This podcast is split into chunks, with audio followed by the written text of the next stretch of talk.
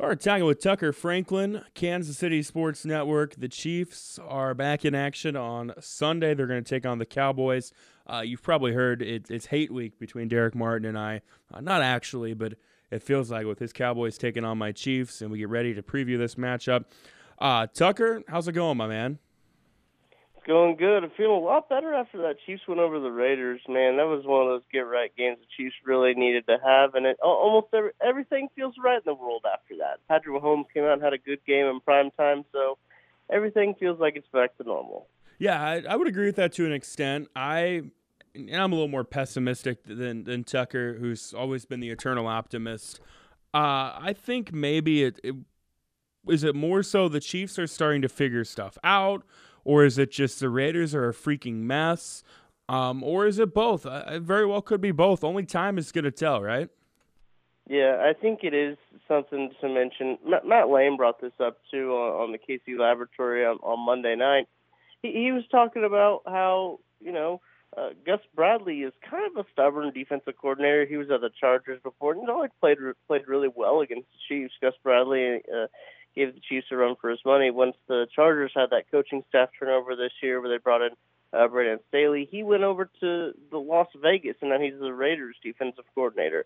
So it was one of those things where Gus Bradley always plays the Chiefs really tough. I kind of expected it to be a lower scoring game for the Chiefs, but he comes out and played a lot of cover three, which the Chiefs haven't seen a lot this year. They've seen a lot of cover two, two high safety looks, and they did play some two high safety looks, but mostly it was it was cover three, and the Chiefs show that they can beat that, and, and the Chiefs did beat the cover two looks when they when they needed to. So I think that that's kind of a sign of of improvement is that they were able to beat the cover two. But you're right. I think that there are some some things you need to take into consideration, like maybe the Raiders aren't the best team to gauge yourself against. And, and this week, the game against Cowboys is going to be a really good measuring stick game. This is probably the second litmus test they're going to take. I think the first one was against the Titans when they absolutely um, just blew up, and imploded against the Titans. And I think this game against the Cowboys is a pretty big one to see where they are and if they're a Super Bowl contender or not. Yeah, we'll dive more into that here in just a little bit. Uh, Patrick Mahomes looked kind of like his old self uh, Sunday night 406 yards, five touchdowns. I felt like maybe in the in the first half he still something just looked a little off. Uh, but you know the end line looked really impressive uh, in terms of, of what he finished the night with, and he was taking what the defense gave him and not really forcing a ton. He was still able to make some of those uh, Mahomes magic plays, so to speak, like the the toss to Darrel Williams uh, and the left-handed pass on third down early in the game. Was this the type of game that Patrick Mahomes and the offense needed? It sure felt like it.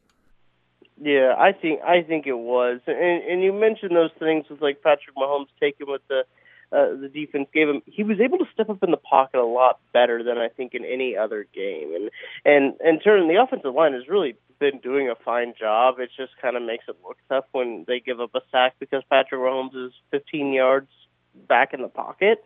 Uh, I know we've talked about that before on the show, but uh, he's been able to step up a lot better in these recent games, and it's been, the offensive line's been playing really well. Um, and that touchdown pass to Darrel Williams, he stepped up in the pocket and ran essentially to the line of scrimmage and chucked that ball up where he mossed over Johnathan Abrams. And I think that's a perfect example of what he's kind of been able to learn what to do with this offense because uh, this offensive line is protecting phenomenally. And, and once he has that and he knows what to do, I think it's, it's pretty dangerous for the rest of the league. And there was a lot of uh, dink and dunk passes, you know, end around plays. Patrick Mahomes didn't really hesitate on. We've seen him hesitate in times past like those uh, in in the check down area, and it kind of it gets the timing of everybody off. But Patrick Mahomes was also able to hit on some deep plays too. He did have some misses, but he also hit on some deep ones, which I think is really encouraging to see that timing with Tyreek Hill kind of return. And I, I remember one of the deep plays of Tyreek Hill. I was like, oh yes, that's that's what we've been missing right there. It's good to see this again. Yeah, sometimes maybe all you, all you need is you know whether it's a team like the Raiders, uh, get right game like they had. Um, to hopefully get right.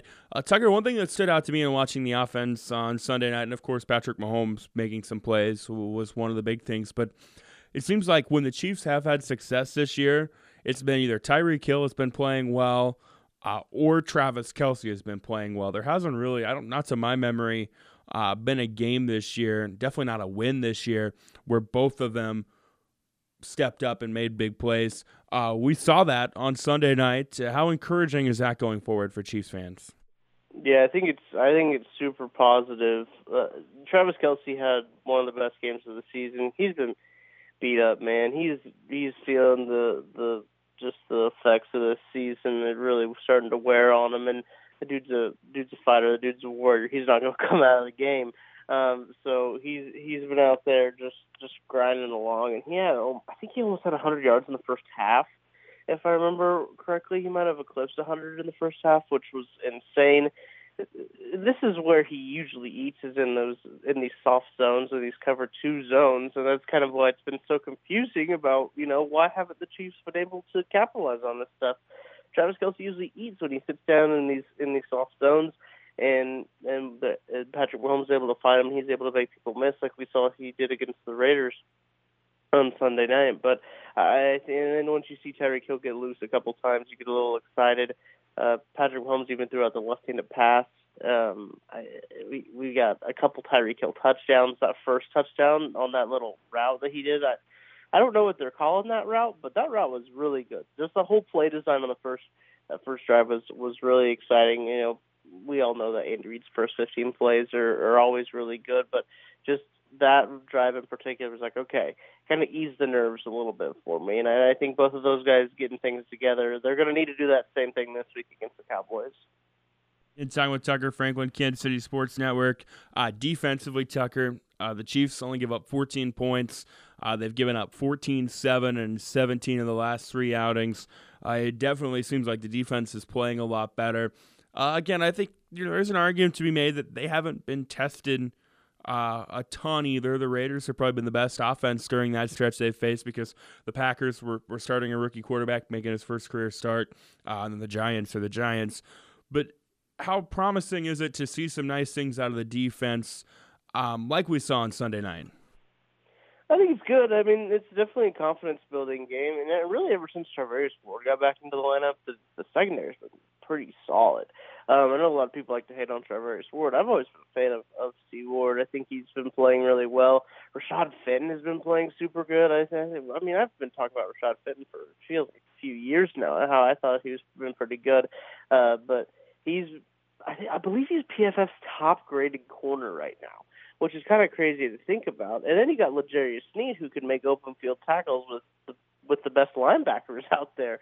Uh, so I think that just that combination of of those corners and that coverage has really helped the the front four get pressure. And you know, we usually say it the other way around, right? The front four getting pressure usually helps the guys in the back end cover a little bit better. But I think these coverage, this better coverage, has really helped uh, get after the quarterback. Obviously, moving Chris Jones inside, I, I think has helped. His speed is better utilized on the inside against centers and guards rather than it is against tackles because tackles are more used to that speed.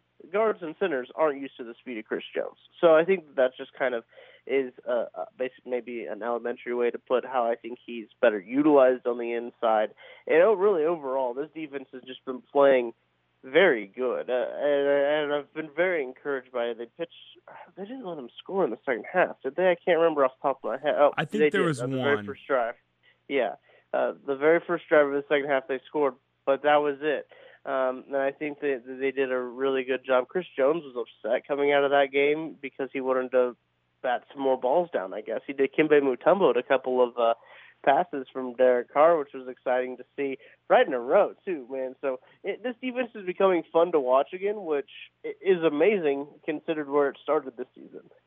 Yeah, two things that I think have maybe been key to this: uh, being able to move Chris Jones back inside a little bit. Uh, and then keeping Daniel Sorensen and Ben Niemann keeping their snap counts to a low. Uh, we've seen Daniel Sorensen when, when he's not playing every snap can make plays. Uh, that's just who he is. But he, he's a liability if he's playing 80, 90 snaps a game. Uh, Tucker, the Cowboys coming up this week, as you mentioned. Uh, this is going to be the biggest test that they've had this year. I will say it's even bigger than the test against the Titans because of the result against the Titans. The Chiefs control their own destiny right now. in the AFC West. Uh, you, they technically lead, but the Chargers have played one less game and have a tiebreaker, but they're going to meet again. Uh, the rest of the AFC has handed the Chiefs an opportunity to be right back in this and be a contender. Now they've got to take advantage of it. Uh, what are you kind of looking for in this matchup? I'm just looking for uh, everyone to have fun. No, I'm just kidding. I, I'm looking for the Chiefs to kind of come out and, and start off on the right foot, especially at home in Arrowhead against a team like the Cowboys, who is can, can we say that they're probably the best team in the NFC right now? Probably. I, I think I know they lost the Broncos, 30. but I, I think they're the best team in the NFC. Them or a Aaron yeah. Rodgers Packers team. Yeah, so they've been playing extremely well this season. Uh, they've surpassed my expectations for what they were going to be. So I'm I'm really genuinely excited for this game. It's going to be that that afternoon primetime game at 3:25. We got Joe Buck and Troy Aikman on the call. I know Kansas City's favorite duo. Um, so I think that it'll be a fun game if you're just like a casual football fan to watch because I think there will be a decent amount of scoring just because of how good the, both of these offenses are. And that's not a knock to either of the defenses because the Cowboys, man, Micah Parsons has been playing really good. Uh, Trevon Diggs is an absolute stud. The dude uh, gets picks with the best of them but his coverage is kind of suspect in some areas. So I think that that's going to be kind of interesting to watch to see how Patrick Mahomes and and Travis Kelce and, and Tyreek Hill all utilize and, and go up against and take advantage of that Cowboys defense. But I really want to see the Chiefs start hot, start off on the right foot, and then just kind of control the game. That's really what I want to see. I want them to I want them to play from ahead the whole game. I hope you're right. I hope that's what they're able to do. Looking forward to it. Cowboys Chiefs Sunday afternoon, 325.